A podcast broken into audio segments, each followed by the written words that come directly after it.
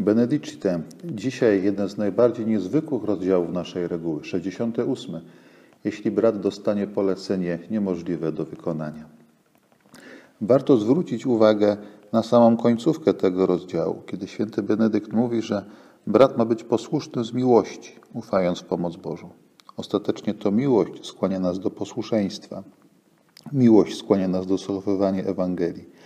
Miłość sprawia, że staramy się być wierni złożonym obietnicom, przysiędze małżeńskiej, ślubom zakonnym, zobowiązaniom wynikającym z przyjętych święceń.